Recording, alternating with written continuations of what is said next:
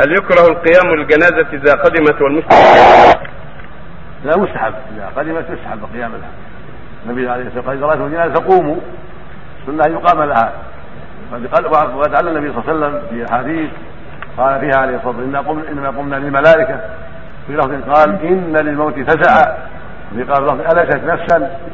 فالسنه ان يقام لها لكن لا يجب. النبي قام وقعد عليه الصلاة والسلام. فلما قام وقعد دل على أن القيام هو بواجب. فمن قام اذا راها أقبلت إليه يقوم حتى تخلفه حتى تعدى. هذا أفضل. وإن جلس ولم يقوم لها فلا بأس لا حرج عليه. لكن من تبعها يبقى حتى توضع. من تبع الجنازة يمشي معها. السنة له أن يبقى واقفا حتى توضع في الأرض من رؤوس الرجال.